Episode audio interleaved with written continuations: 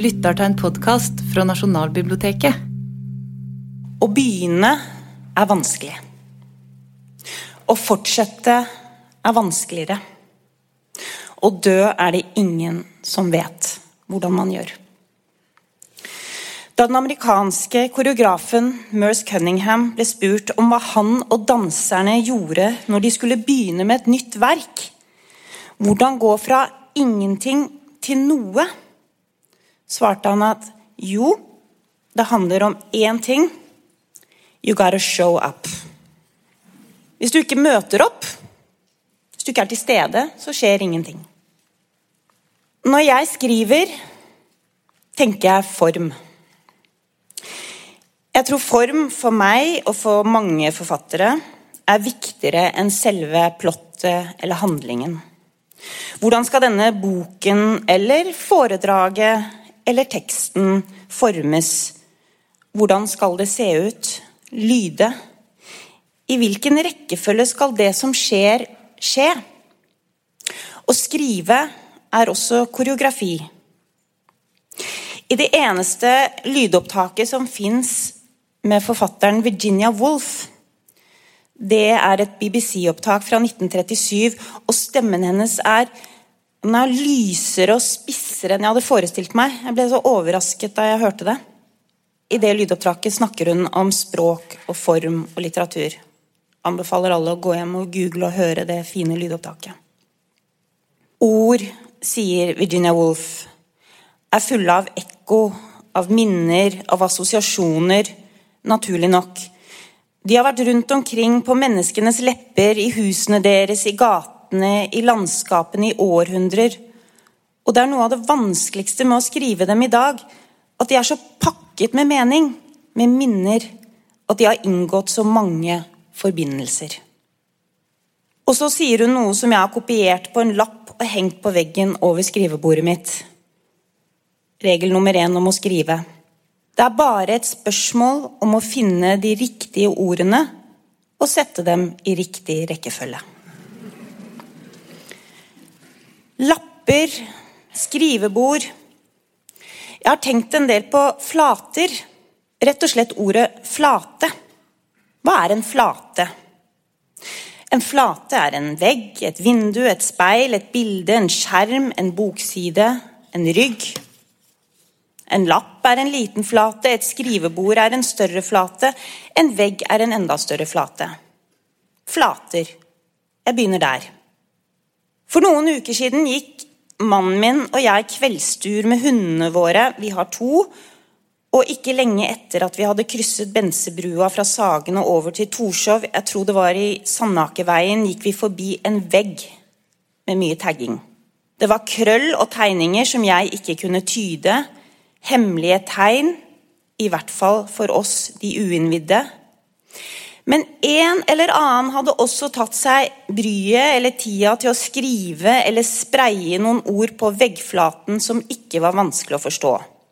Med store, svarte bokstaver sto det skrevet Følg de ti bud, drit i resten. Det er alltid interessant å bli konfrontert med en offentlig ytring, f.eks. på en vegg, være seg en fysisk eller virtuell vegg som faktisk vil deg noe.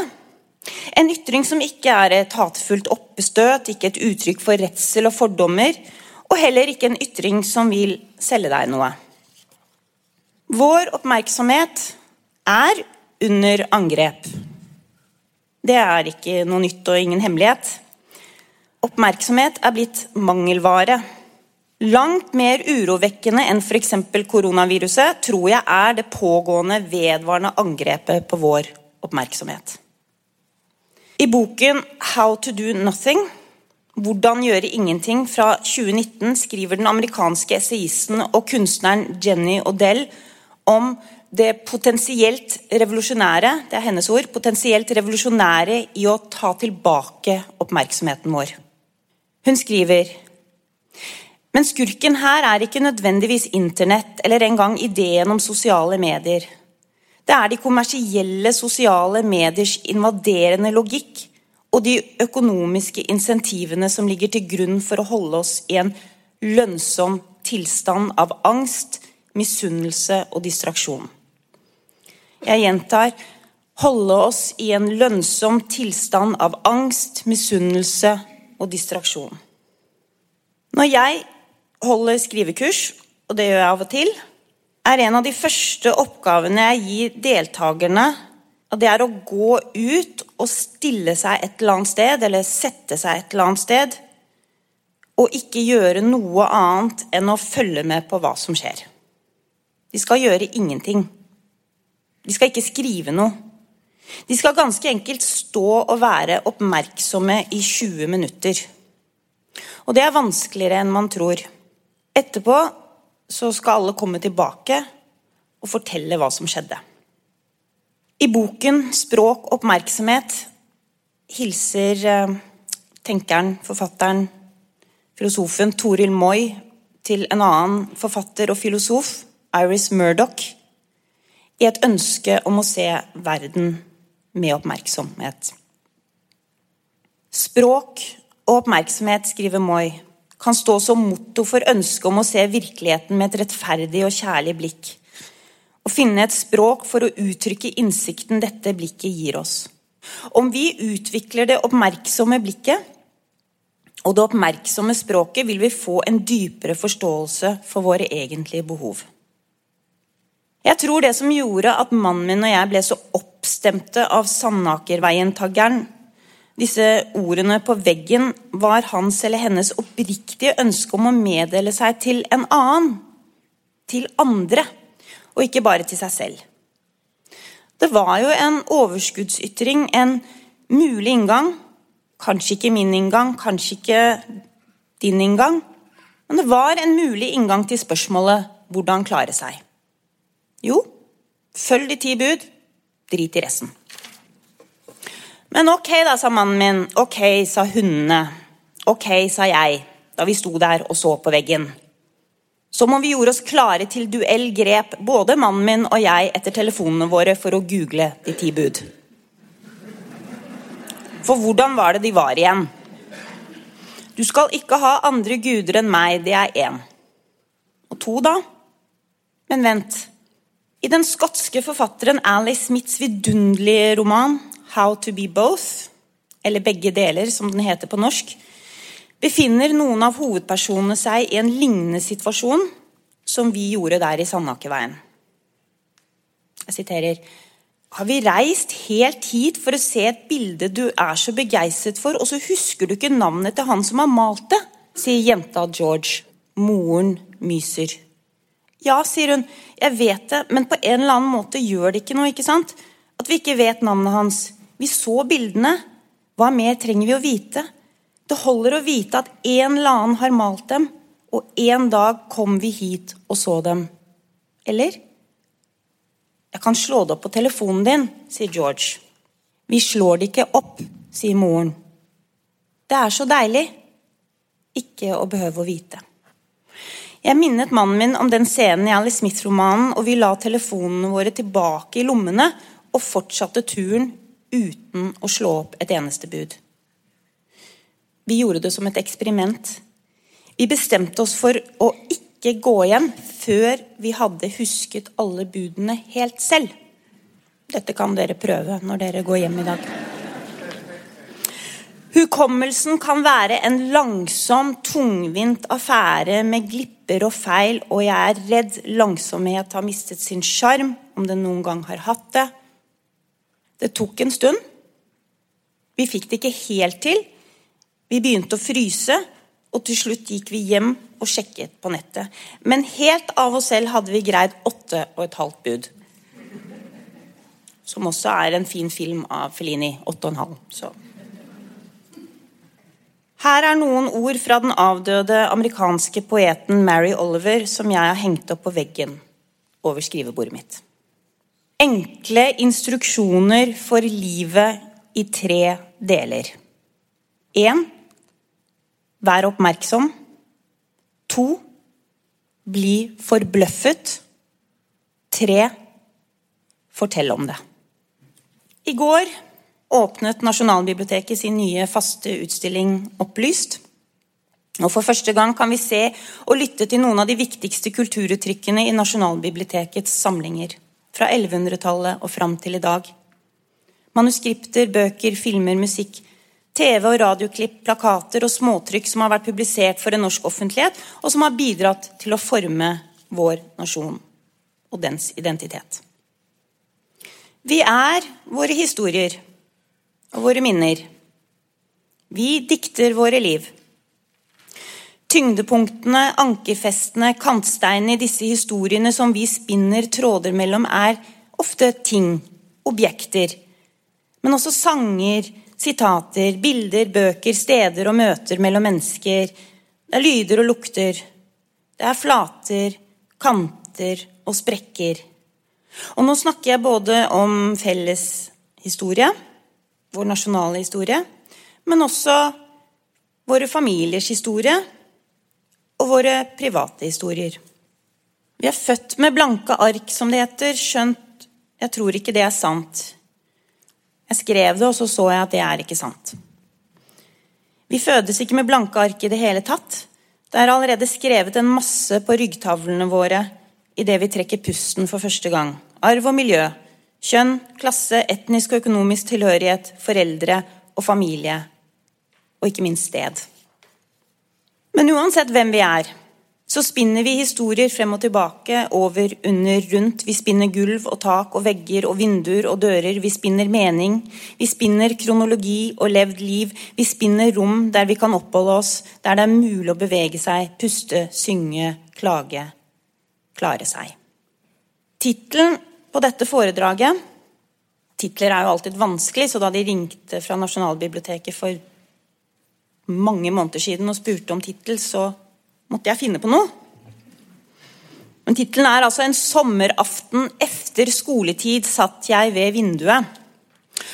Og Tittelen er hentet fra en liten bok jeg satt og bladde i akkurat da. Fra Wilhelmine Ullmanns lille bok fra 20-årene og litt mere.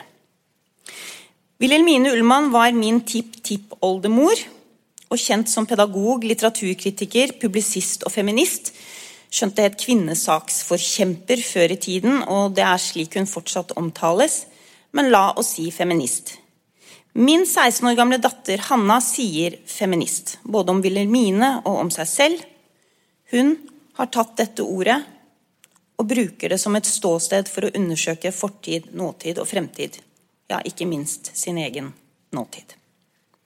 Og det føles litt i disse dager og dette året som om vi har hørt raslingen av Wilhelmine Ullmanns skjørtekanter hjemme hos oss i det siste. Wilhelmine ble født i 1816 og døde i 1915. Hun ble altså nesten 100 år og skrev prøvende og undrende om sin tid. Hun hadde et tynt ansikt og en stor og prominent nese. Hun var musikalsk. Det sies at Asbjørnsen og Mo kom langveisfra til Malmøya for å høre henne synge. Og i likhet med den franske essayisten Montaigne, som jeg ikke vet om hun leste, elsket hun å jobbe i hagen. Montaigne skrev også om det han så, om alt som skjedde rundt ham. I boken How to Live, Hvordan leve, eller her kommer undertittelen på boken. 'Montans liv i ett spørsmål og 20 forsøk på svar', skriver forfatteren Sarah Bakewell at Montan, som levde på 1500-tallet, på mange måter var verdens første blogger. Han skrev ut fra seg selv, han brukte ordet 'jeg', og han fortalte om det han så. Hvordan leve, hvordan sørge, hvordan lese, hvordan dø hvordan gjør naboen det? Hvordan klare seg? Apropos det at min tipp-tipp Jeg tror det er tipp-tipp. Tipp-tipp-oldemor Wilhelmine elsket å jobbe i hagen, skriver Montan i essayet 'Å filosofere er å lære å dø'. Han skriver Måtte døden finne meg mens jeg planter mine kålhoder. Om kvelden om natten, og alle gangene jeg ikke får til å sove eller skrive, vet jeg at det dummeste jeg gjør, er å klikke meg inn på et eller annet, de siste nyhetene f.eks., Jeg leter etter ro, men forveksler ro med distraksjon og finner bare mer uro. Men når klokken er to, tre, fire om natten eller to, tre, fire om dagen og dødsangsten river og sliter, så er det vanskelig å vite hva som er hva. Angst vil ha mer angst.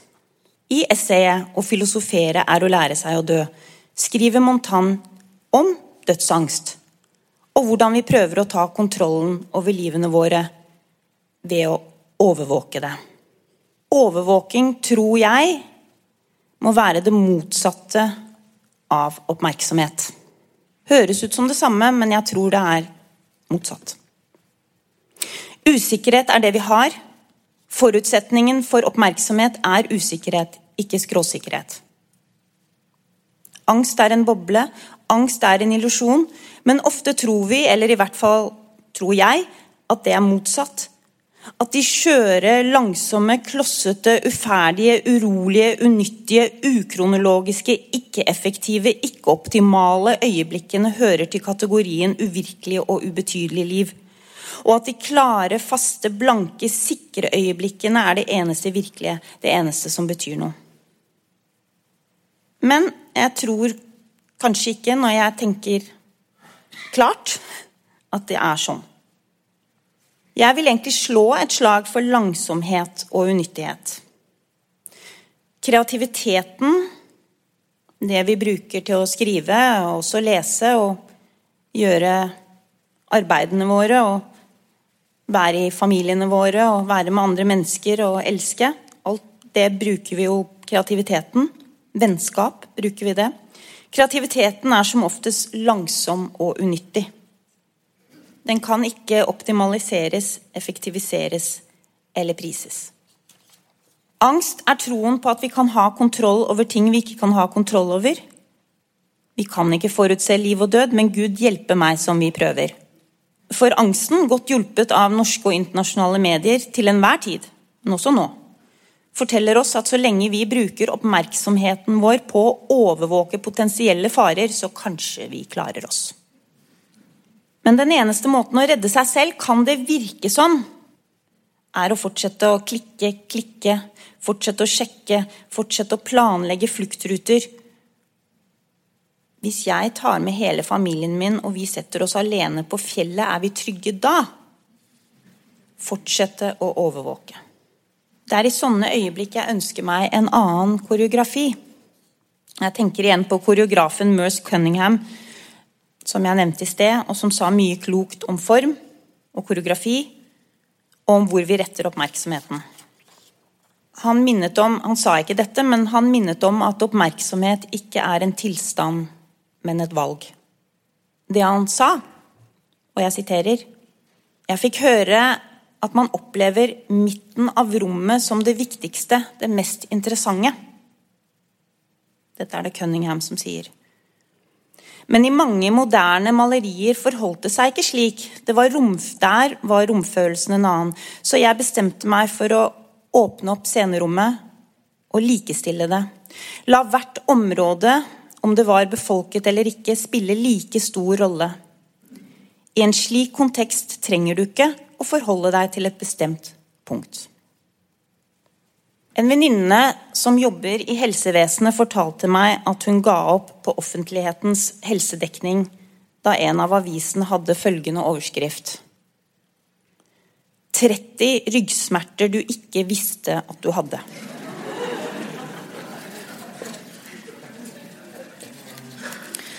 Angst, enten det er den egne angsten eller den kollektive angsten som strømmer som elektriske tråder gjennom oss, handler alltid om å overvåke og spionere på seg selv og andre og våre egne arme legemer.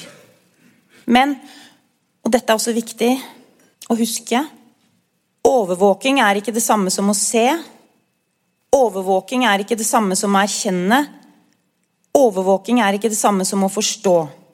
Og overvåking er ikke det samme som må være oppmerksom. Her er Montan om dødsangst og overvåking. Og Det kan man jo tenke på nesten gang man leser en artikkel som skremmer. Så dette er fra 1500-tallet. Men nå lar jeg feber og lungesot ligge, skriver han. Har du ikke med egne øyne sett en av våre konger dø under en turnering? Og ble ikke en av hans forfedre drept i et sammenstøt med en gris? Da Aiskulos ble advart mot at et hus kunne styrte sammen over ham, nyttet det lite å være på vakt. Han ble allikevel drept av et skilpaddeskall som glapp ut av klørne på en ørn i flukt. En annen døde av en druesten i halsen. En keiser av et risp i hodet etter kammen da han gredde håret. Jeg prøver å skrive en bok Dette er ikke Montan, dette er meg. Jeg prøver å skrive en bok som jeg ikke vet om jeg får til å skrive. Det har jeg holdt på med i et år. På veggen over arbeidsbordet mitt henger det en lapp. På lappen står det 28. februar 2019. Nå begynner jeg. Det tyskspråklige poeten Paul Celan skrev noe som, som dette. Han skrev 'Verden som skal stotres utenat'. Og jeg kunne kanskje sagt at det var det jeg prøver å gjøre når jeg skriver. Stotre frem en verden. Er det ikke det alle prøver å gjøre når de skriver? og kanskje også når vi leser. Jeg liker ordet stotre. Det er en selvfølge at skriving og lesing er beslektet. Det var noe desperat i måten jeg fortærte bøker. Alltid et håp om at denne boken eller denne var den som kom til å fortelle meg hvordan jeg skulle leve. Dette skriver den amerikanske kritikeren og forfatteren James Wood. Hvordan skal jeg leve? Hvordan klare seg? Jeg tror det var det spørsmålet som fikk meg til å begynne å lese bøker da jeg var barn, og også til å skrive dem da jeg ble voksen.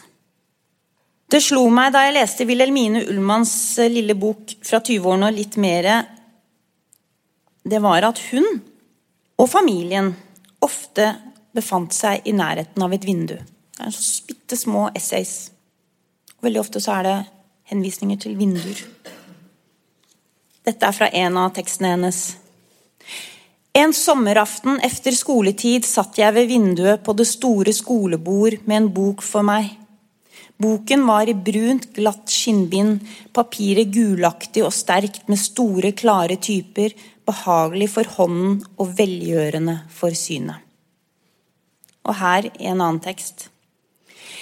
En søndag formiddag satt begge mine søstre, søstre på forhøyningen ved vinduet i vår dagligstue med hvert sitt broderi. Vi sitter ved vinduet, vi ser ut, vi ser på de andre, ikke på oss selv. Vi ser ikke et speil, vi ser i et vindu. Vi har med oss noen ting, og disse tingene beskrives. Boken var i brunt, glatt skinn, papiret gulaktig og sterkt. Vi sitter i dagligstuen, vi har med broderiet. Kan du høre? Kan vi høre stillheten i rommene? Kan vi se akkurat det formiddagslyset. Jeg tror at for Wilhelmine og søstrene hennes var det å sitte ved vinduet en øvelse i oppmerksomhet. Da faren min var gammel og lå for døden og ikke lenger husket nøyaktig hvem eller hvor han var, ba han meg gjøre ham en tjeneste. Han ba meg skrive en huskelapp på veggen. En huskelapp om hvem han var, og hvor han var. Faren min brukte ofte interiøret som notatblokk. Det jeg mener er, Han skrev på ting han skrev på vegger, dører, bordflater. Det var som om selve det flate i flaten, bordflaten, dørflaten, veggflaten inviterte til skrift.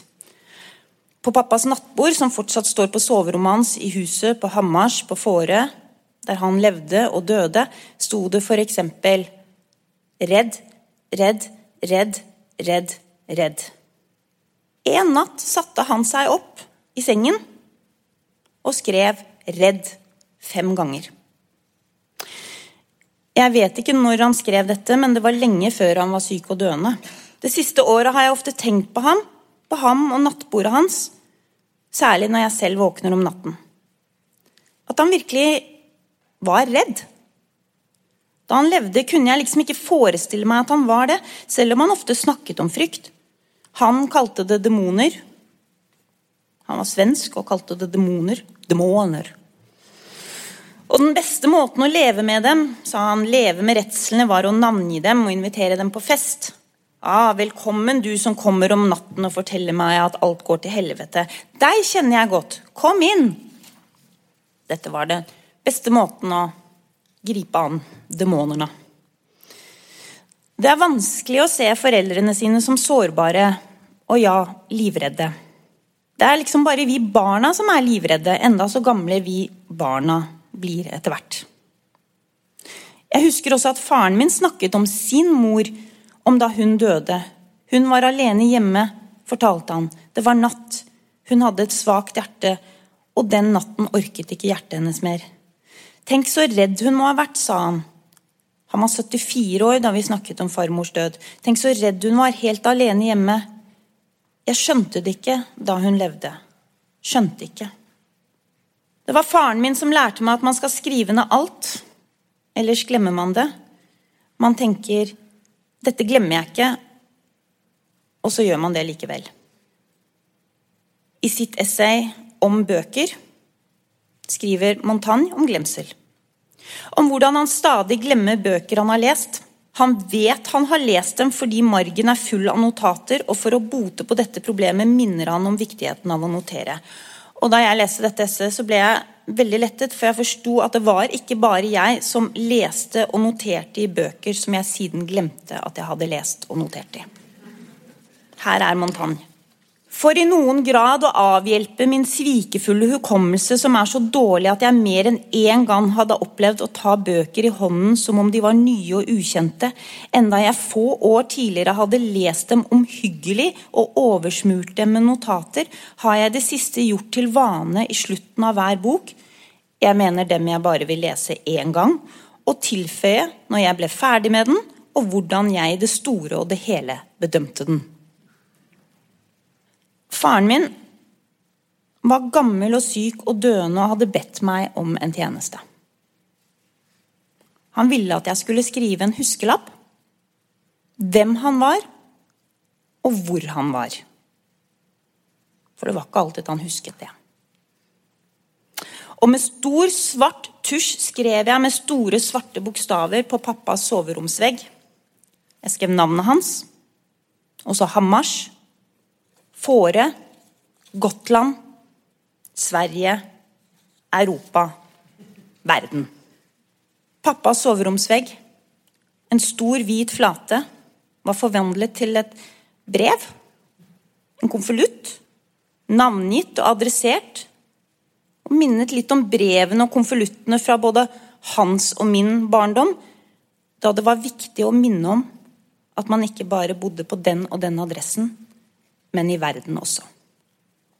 Å begynne føles som å falle. Jeg tenker meg at vi står ytterst på en kant og faller. Sånn sett minner begynnelser om å dø. Det jeg syns er skremmende begynnelser med begynnelser, å begynne og begynne på nytt og begynne igjen, er at jeg ikke vet om jeg får det til. Kanskje jeg ikke gjør det. Det siste året har jeg prøvd å skrive en bok som jeg ikke vet om jeg får til. Jeg vet ikke om det er jeg eller boka som er kantete, men noe er det. Jeg vil snakke litt om kanter. Jeg snakket om flater, nå vil jeg snakke om kanter. Husker dere Astrid Lindgrens 'Mio min Mio'? Det var en nydelig dame som jobber på Nordlys bokhandel. Nina heter hun. Norges beste bokhandler, som minnet om at Mio min eller Astrid Lindgren kan man lese også som voksen, så da tok jeg frem mine Astrid Lindgren-bøker og leser dem om kvelden. Jeg har ofte tenkt at Astrid Lindgren er Nordens svar på Charles Dickens. Det har sikkert noe med mine egne minner å gjøre. Astrid Lindgren og Charles Dickens var en del av min oppvekst. Jeg ble lest for på sengen. Særlig av moren min. Av og til holdt hun seg til teksten, og noen ganger gikk hun helt andre veier. Men jeg ble lest for. Av henne. Og når jeg ikke ble lest for, når jeg var for stor for det, leste jeg selv. Jeg var et tynt og kantete barn, og i bøkene fant jeg andre, om ikke alltid tynne, så nesten alltid kantete barn og kantete voksne som sto midt i en eller annen form for strid. Hva er det å være kantete? Det motsatte av å være smooth, kanskje? Let me see your beauty broken down like you would do for one you love, skriver Leonard Cohen. Din ødelagte skjønnhet er den som har med kjærlighet å gjøre. Det er den du viser den du elsker. I det siste har jeg tenkt på spøkelser. Kanter og spøkelser. Spøkelser er ikke kantete, tror jeg. De beveger seg rundt og mellom kantene, rundt og mellom tankene, rundt og mellom innpust og utpust. En idé må på samme måte som et spøkelse snakkes litt til før den åpenbarer seg for deg, har Charles Dickens sagt, og det tror jeg er sant. Jeg liker at Dickens sidestiller ideer og spøkelser. Jeg vet ikke helt hvorfor jeg liker det, men jeg tror han er inne på noe. Husker dere ni år gamle Bo Wilhelm Olsson i Mio min Mio? Han som bodde med de slemme fosterforeldrene sine, tant Edla og farbror Sixten, og som forsvant en kveld fra en benk i Tegnerlunden i Stockholm. Helt borte ble han. Boken, Mio min Mio, er historien om hva som skjedde. Han, Bo Wilhelm Olsson, som også skulle det vise seg var den unge prins Mio, for gjennom natt og dag til landet i det fjerne for å finne sin far kongen, og for å bekjempe onde ridder Cato. Han med hjertet av stein som forvandler barn til fugler. I ridder Katos festing er det en grusom vindeltrapp. Og like før den siste striden, som heter den siste striden mellom prins Mio og ridder Kato, så henger unge prins Mio fra en trappekant og dingler. Det er et nydelig lite tegning av det i boka. Og helt siden jeg var ni år eller der omkring, har jeg søkt meg til bøker der det bokstavelig talt eller i overført betydning dingles fra en kant. Eller der det falles fra en kant. Jeg skrev en gang en roman. Det er kanskje den romanen som ingen liker, men jeg skrev den i hvert fall. Om en kvinne som står på kanten av et høyt tak og faller. Hopper hun? Blir hun dyttet? Eller snubler hun? Jeg husker at jeg ville skrive hele romanen i fallet. Avdekke historien om fallet i fallet. Strekke ut den tiden det tar å falle fra tak til bakke. At det skulle rommes i en roman. Men jeg vil tilbake til Mio min Mio. Jeg skrek til og föll og föll og i fallet forsøkte jeg å klenge meg fast, leser jeg i Mio min Mio.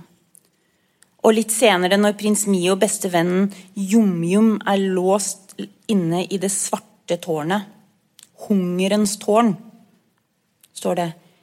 Vi satte oss på gulvet. Vi kjente oss så små og redde, og vi visste at vi skulle dø innan natten var slut. Om ikke døden var så svår ändå, sa Jom-Jom.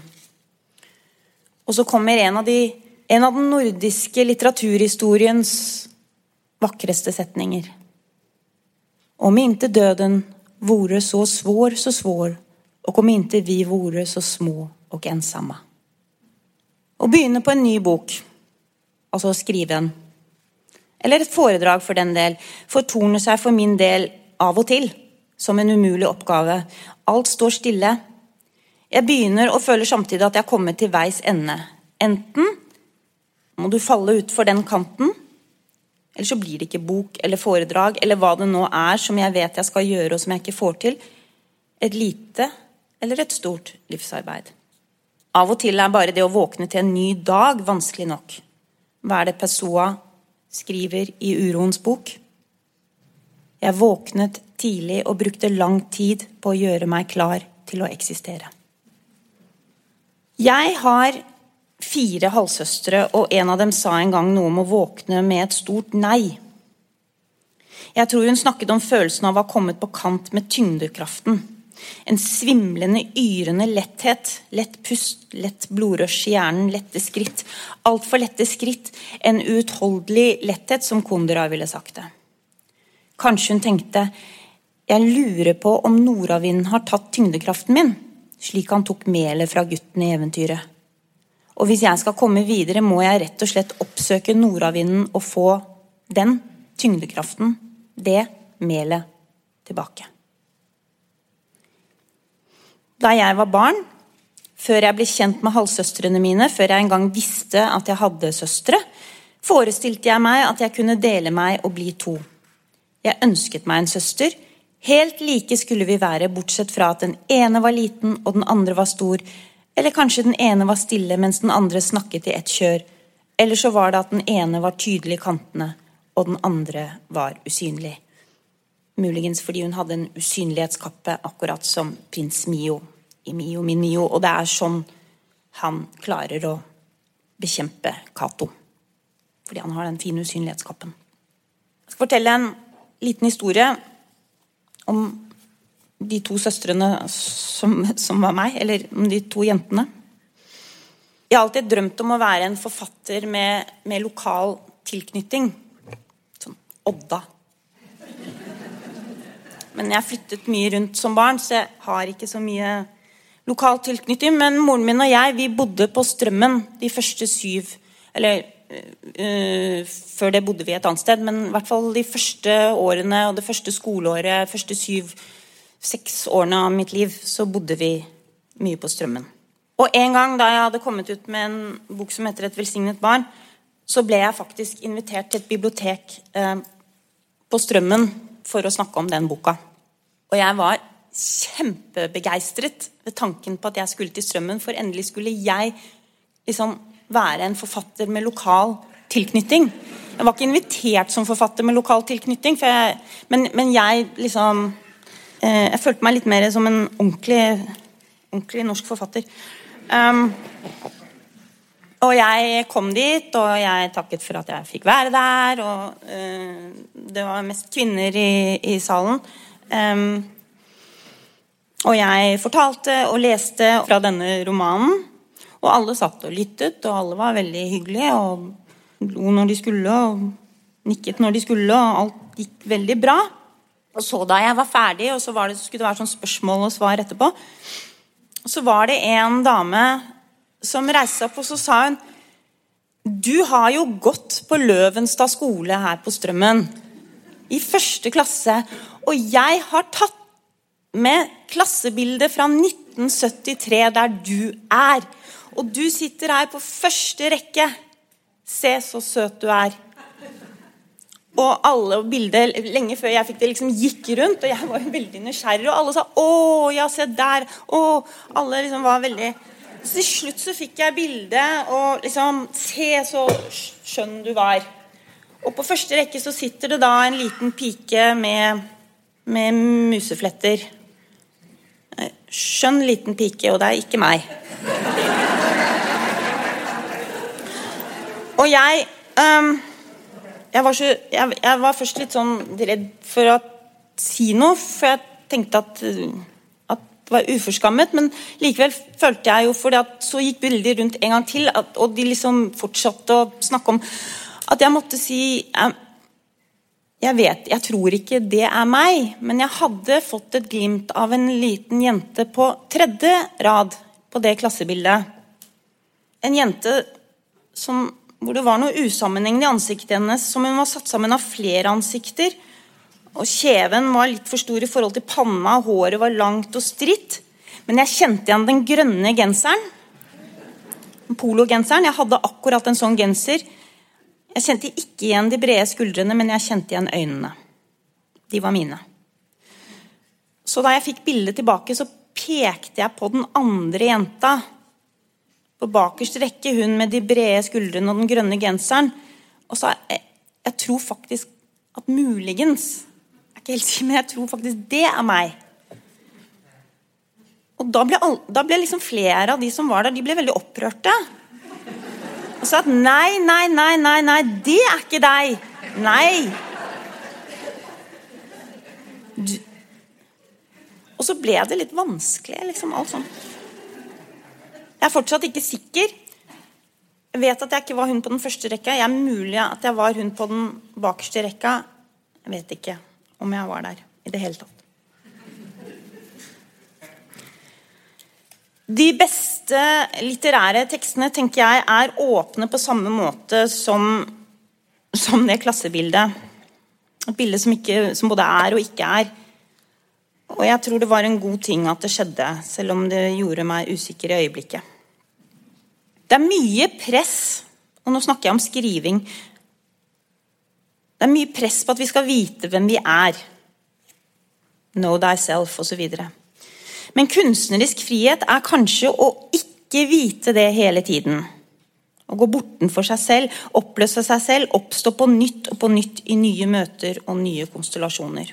Å skrive skjønnlitterært, har forfatteren Geir Gulliksen sagt, er å våge å ikke ha det siste ordet. De gode bøkene som jeg leser, vil ikke kategoriseres, og de vil ikke snevres inn. Den gode boka insisterer på sin plass mellom det vi ser og det vi ikke får øye på, det vi vet og ikke vet, det vi tror og det vi ikke helt tør å tro på. Jeg begynte å tenke på flater og kanter, men også på sprekker. Da jeg en vinterettermiddag for et år siden satt og skrev på en bok jeg ikke syns jeg fikk til, og plutselig oppdaget en sprekk i dataskjermen min. Sprekken ble bare større og større utover dagen. Til slutt ble jeg så distrahert at jeg klikket meg ut av bokmanuset mitt og googlet 'sprekk i dataskjerm'. For så å klikke meg inn på følgende hypermoderne Alice i underverden-dialog på nettet. Tror det var på VG. Ikke sikker. Tittelen på den tråden jeg kom inn på, var 'Sprekk i dataskjerm'. Og hun jeg kaller Alice, som hadde startet tråden, skriver dette her passet ekstremt dårlig med tanke på at jeg er midt i eksamensskriving og virkelig har bruk for maskinen. Er skjermen ødelagt? Hva skal jeg gjøre? Det første svaret er fra en som er forståelsesfull, men som ikke kan hjelpe noe særlig i det hele tatt, i og med at han er i samme situasjon selv og like fortvilet. Er i nøyaktig samme situasjon, skriver han, med skjermproblemer, eksamensskrivingen, langveiskjøpet og det hele. En annen hiver seg på, men kan heller ikke hjelpe. Hun nøyer seg med å beskrive sprekkene i sin skjerm. Noen av stripene går vannrett og andre loddrett. Stripene er farget, men der hvor det ble klemt, er det en bueformet hvit greie nå. Og Dette med de vannrette og loddrette stripene leser jeg mange ganger. Jeg syns det var ganske vakkert beskrevet å komme på et sitat av forfatteren Anne Enright. Et sitat som handler om å skrive, men som egentlig handler om å bruke språket. Anne Enright sa husk at all beskrivelse er en stillingstagen. Husk at all beskrivelse er en stillingstagen. Finn ut hvor du står. Jeg fant Anne Enright-sitatet i avisa The Guardian. og Det er en vidunderlig artikkelserie i to deler som ligger på nettet, og der mange av verdens fremste forfattere er blitt bedt om å gi ti råd hver om det å skrive. Anne Enrights skriveråd nummer syv er sitat, Forestill deg at du er døende. Hvis du hadde en dødelig sykdom, ville du ha skrevet ferdig denne boken. Hvorfor ikke? Det som irriterer den i deg som har ti uker igjen å leve, det er det som er galt med denne boken så gjør noe med det. Slutt å krangle med deg selv, gjør noe med det. Se, det er enkelt, og ingen måtte dø. Et tredje svar i min Alice i underverden nettdialog om sprekken i skjermen kommer fra han som alltid vet best. Den skråsikre. Han er overalt. Kommentarfeltene, i journalistikken, i litteraturkritikken, i politikken, helsevesenet. Alle familier har minst én. Kanskje vi er en sånn selv. Og nå er han her i mitt skjermsprekkdrama. Det er han som vet best, og som vil fortelle alle oss andre hvor dumme vi er. Garantien, skriver han, dekker ikke uforsiktig omgang med PC-en. Og det kommer nok ikke til å være så vanskelig for teknikerne å se at det er tilfellet i denne saken, ettersom det høres ut som loddepunktet er røket. Noe som ikke skjer av seg selv. Med mindre du har uhellsforsikring, må du nok belage deg på å betale dette selv, dessverre. Man skal ikke løfte en PC etter skjermen, det sier seg vel selv. Ja, og selv om hele denne studien i usikkerhet og skråsikkerhet var interessant nok i og for seg, hadde jeg rotet bort enda et par timer, kanskje en dag, på nettet istedenfor å skrive på den boken jeg altså ikke fikk til å skrive. Og det å skrive en bok man ikke får til å skrive, er i aller høyeste grad en studie i usikkerhet.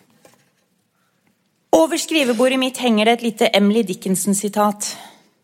Det er fra et brev hun skrev. Oversatt lyder det sånn Jeg har levd med en skrekk siden september. Jeg kunne ikke fortelle om det til noen, så jeg synger i stedet som gutten på kirkegården fordi jeg er redd. I et nydelig essay som jeg leste for noen år siden i New York Review of Books, drøftet den amerikanske kritikeren Helen Wendler, en legendarisk litteraturprofessor i 80-årene, om hvordan bl.a. Emily Dickinson redigerte diktene sine. For veldig mye å skrive handler om å redigere. Stryke, føye til, sette sammen, trekke fra og ikke minst å være konkret. Finne det nøyaktige ordet, jobbe med språket innenfra teksten, tøye det, utvide det, temme det, utforske det, kjempe med det, lytte til det. Det er alt du har. Og Her vil jeg bare svinge litt tilbake til Torunn Moi og den fine boka 'Språk og oppmerksomhet', som jeg nevnte tidligere. Moi skriver. Med et oppmerksomt språk mener jeg altså slett ikke det som ofte kalles litterært språk. Jeg tviler faktisk på at noe slikt finnes. Da Henry James skulle forklare hva som skulle til for å bli en god forfatter, sa han at en forfatter burde forsøke å bli en person som legger merke til alt. One of the people on whom nothing is lost. Han sa ingenting om at en måtte utvikle et spesifikt litterært språk. Jeg er opptatt av hvordan vi bruker det språket vi alle deler, sier Moi altså. Det beste språket i litteraturen tvinger oss til å åpne øynene til å se både språket og virkeligheten som noe vesentlig, som noe som angår oss, noe vi må ta inn over oss og tenke over.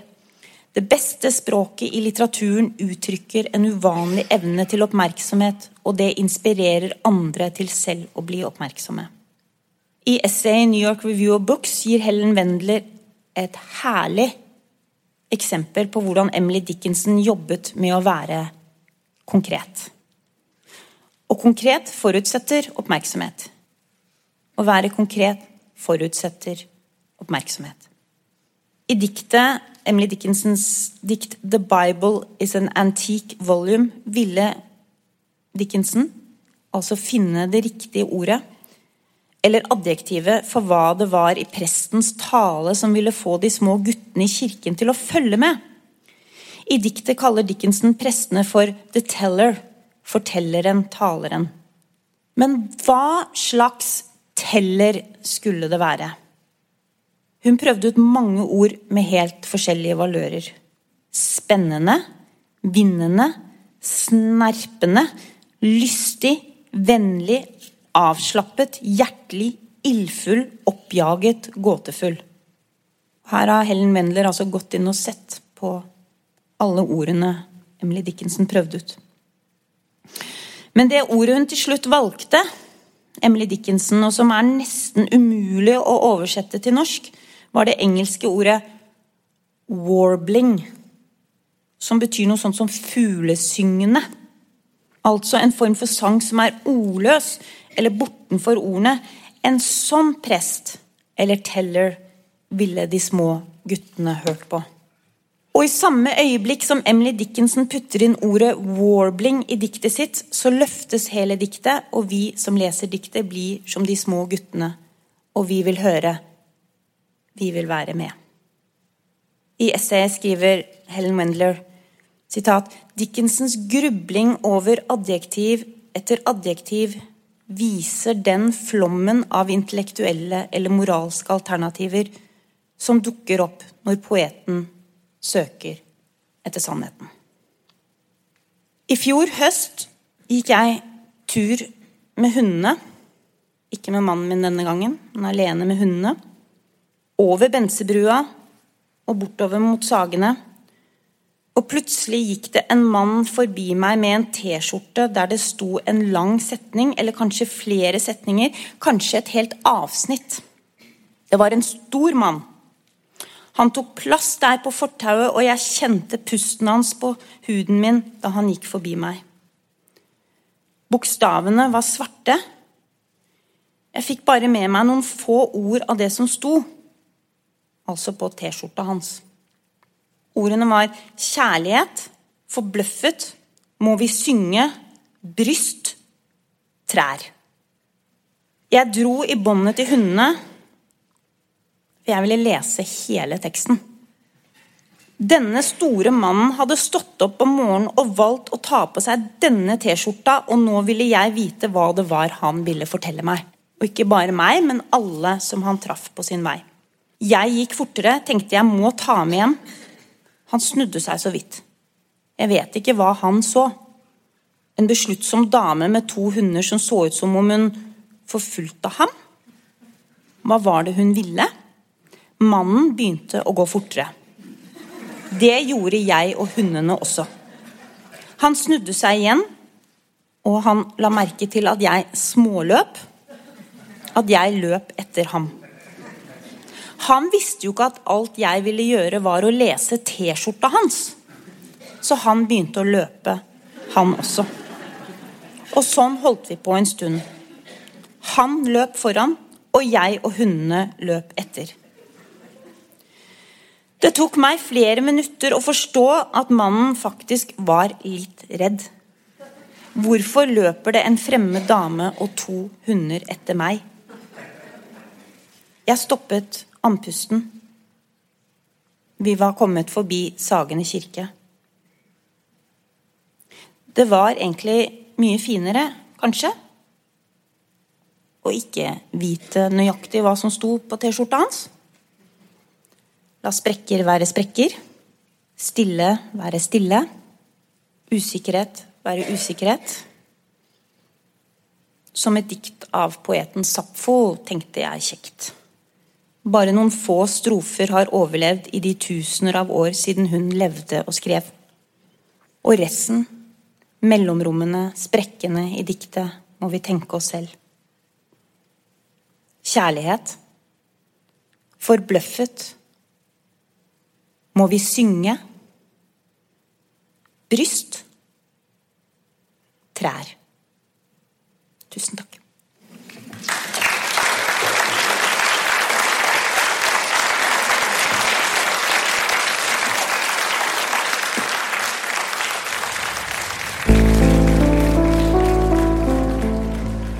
Altså, man kan jo ikke oppdage en sånn historie uten å bli litt grann sånn i Se og Hør-modus, selvfølgelig. Dette er pikant. Rett på! Så glemmer jeg jo helt av Darwin og hele den historien. Og jeg blir helt oppslukt av det her, alle sjørøverne og alle sjøslagene og alle revolusjonskrigene og sånn.